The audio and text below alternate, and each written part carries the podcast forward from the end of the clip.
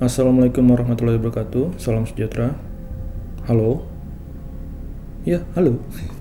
Selamat datang di podcast Rasa-rasanya digangguin bersama gue Isal yang mana kali ini gue siaran sendiri berhubung partner gue lagi berhalangan hadir jadi kali ini gue mau isi hmm, episode kali ini sebagai episode filler kali ya bukan episode kedua karena sudah cukup lama tidak tayang dari dihitung dari episode pertamanya.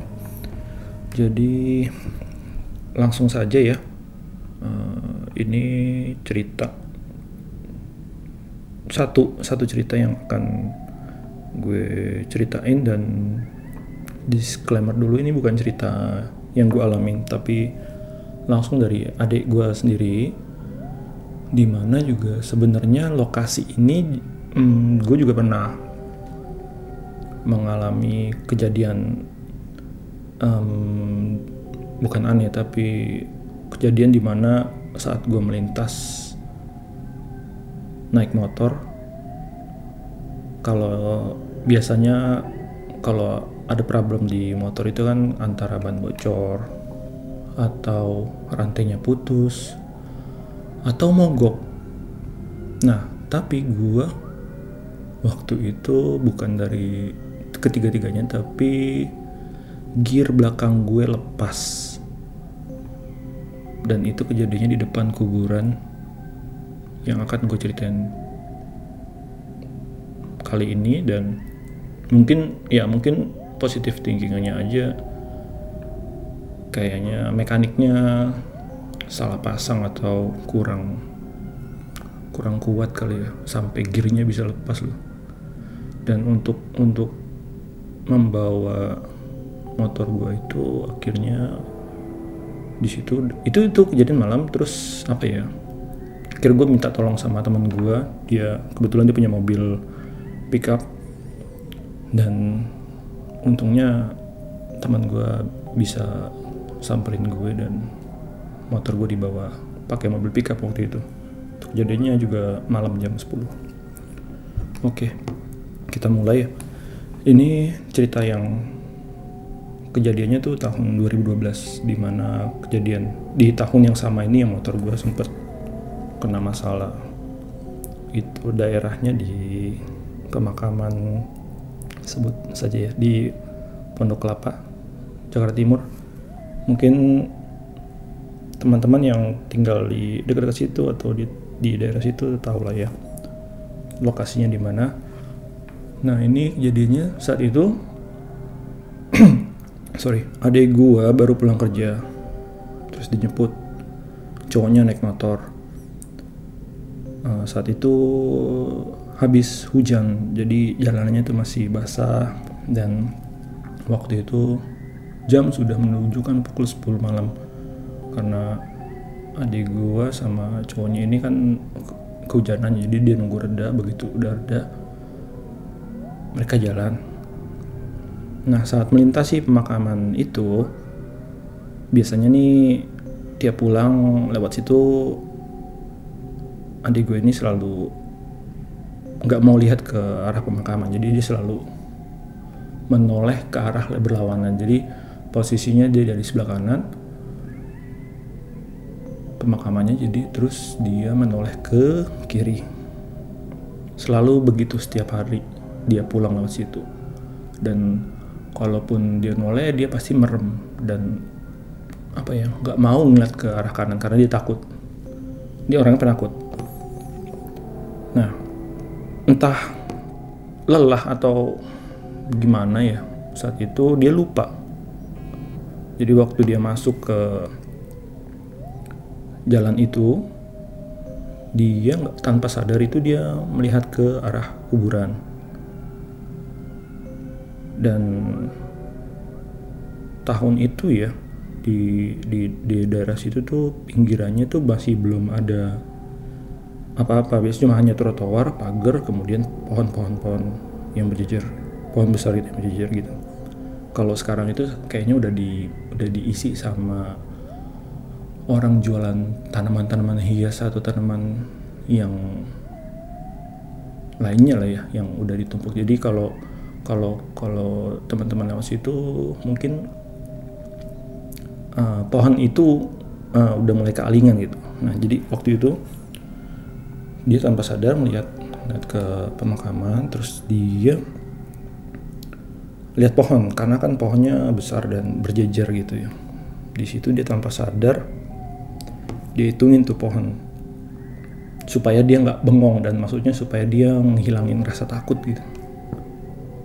Dihitungin sama dia pohon pertama pohon kedua pohon ketiga dan begitu sampai pohon ke enam setelah dia hitung dia kaget. Ternyata ada perempuan berdiri di samping pohon itu. Jadi di antara posisi pohon kelima dan pohon keenam. Itu ada perempuan berdiri pakai baju merah. Pertama dia nggak dia kaget dan maksudnya kayak pikir oh ini orang ngapain gitu? Tapi pas dia perhatiin mukanya mukanya nggak jelas tapi dia bisa lihat senyumannya dan dan si perempuan ini tersenyum waktu adik gua lihat dia. Sontak dong. Adik gua langsung buang muka ke kiri. Dan dia istighfar astagfirullahaladzim. Tadi apa yang gue lihat gitu kan? Ah nggak mungkin lah pasti orang. Ya dipikir gitu kan. Dia sambil jalan. Dia masih masih panik gitu masih masih kaget tadi ngeliat cewek cewek tuh pakai baju merah. Terus pas dia istighfar gitu dia pikir oh, udahlah. Mungkin cuman cuman sekelebat cuman cuman apa ya haluknya dia atau mungkin karena dia nggak gitu. Apa? Bukan nggak apa sih? Dia kayak sekilas sekilas aja gitu cuman cuman cuman pikiran dia doang. Tapi ternyata enggak si perempuan yang tadi dia lihat itu yang di berdiri di samping pohon. Itu sekarang ada di sebelah dia.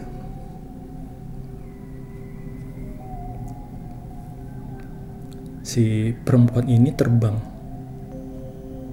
persis di samping belakang kanan adik gua ini. Dan mukanya itu persis di sebelah adik di muka adik gua? Kan adik gua dibonceng motor sama cowoknya. Begitu dia ngeh ada si cewek ini melayang gitu terbang melayang. Dikaget dan dan dia ngejerit Astagfirullahaladzim. Terus karena cowoknya nggak ngerasain apa-apa kan ditanya kenapa? Ini ada perempuan yang ngikutin kata adik gue terus apaan nggak ada apa-apa kok? Enggak ini ini ini, ini. terus itu posisi adik gue udah mencengkeram pundak si cowoknya ya. Itu sambil sambil sambil ketakutan gitu. Terus akhirnya cowoknya bilang yaudah kamu istighfar baca-baca aja deh. Baca-baca surat apa gitu. Di situ adik gue nangis dan nggak berhenti berhenti ucapin astagfirullah istighfar gitu. Dia ketakutan banget.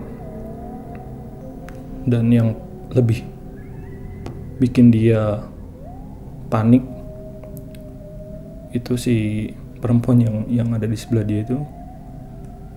Dia tuh ngebisik ngebisik ke adik gue sambil sambil tersenyum gitu sambil ketawa kecil gitu kamu tadi lihat aku ya manis si perempuan merah ini bicara gitu ke adik gue adik gue makin menangis jadi-jadinya dan ketakutan setengah mati. Dia terus menutup matanya dan gak mau menoleh sama sekali ke arah kanan. Jadi dia menoleh ke kiri terus karena si perempuan merah ini ada di sebelah kanan dia. Ngikutin. Sepanjang jalan si perempuan ini terus ngajak adik gue bicara. Kayak saya akan tahu kayak saya akan tahu dia tuh apa ya? Ih ternyata ada orang yang bisa lihat dia gitu loh. Itu ngomong lagi ayo dong sini lihat ke kanan lihat ke aku. Aku di sini loh bukan di situ. Itu sambil tersenyum anjir merinding. gue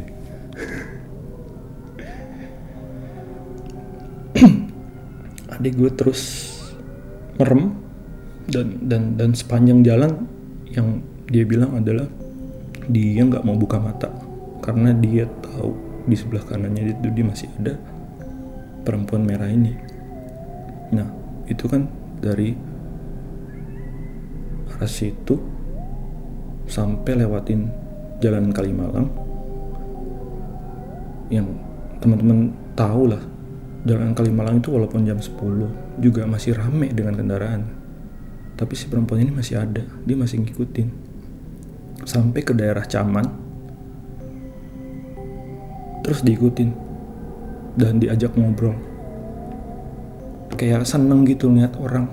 Ada orang gitu yang bisa lihat dia gitu. Jadi akhirnya uh, apa ya dia berdiri kayak nunggu orang terus tiba-tiba ada gua ngeh lihat dia makanya dia langsung nyamperin gitu. Kayak kayak nggak tahu ya mungkin buat buat dia menarik tapi buat adik gue sendiri kebalikannya justru dia ketakutan ketakutan banget. Jarak rum jarak rumah tuh masih cukup jauh kira-kira ada sekitar 10 km dari daerah Caman. Jadi adik gue masuk ke arah situ terus masuk ke jalan Jati Bening tuh yang mau ke arah perumahan Galaksi. Nah, di situ kan ada jembatan tol Jor ya, yang di kolongnya itu. Pas sampai situ, si perempuan merah ini akhirnya dia berhenti ngejar dan terbang ke atas di lewatin sela-sela jembatan tol Jor ini. Di situ ada gue lega dan baru berani buka mata dia yang habis nangis gitu kan. Dan dan sampai rumah ngerasa udah aman gitu. Udah selesai. Di situ dia di drop sama cowoknya. Terus cowoknya pamit pulang. Nah sewaktu adik gue nyampe rumah kan di karena udah malam ya jadi dibukain sama ibu gue kunci rumah gitu kan dikunci kan begitu dibuka adik gue langsung minta bangunin bapak gue karena udah pada tidur orang rumah. Ibu gue tanya kok habis nangis kenapa? Terus adik gue bilang pokoknya bangunin bapak dia masih masih agak agak shock gitu. Terus dia dia duduk di ruang tamu.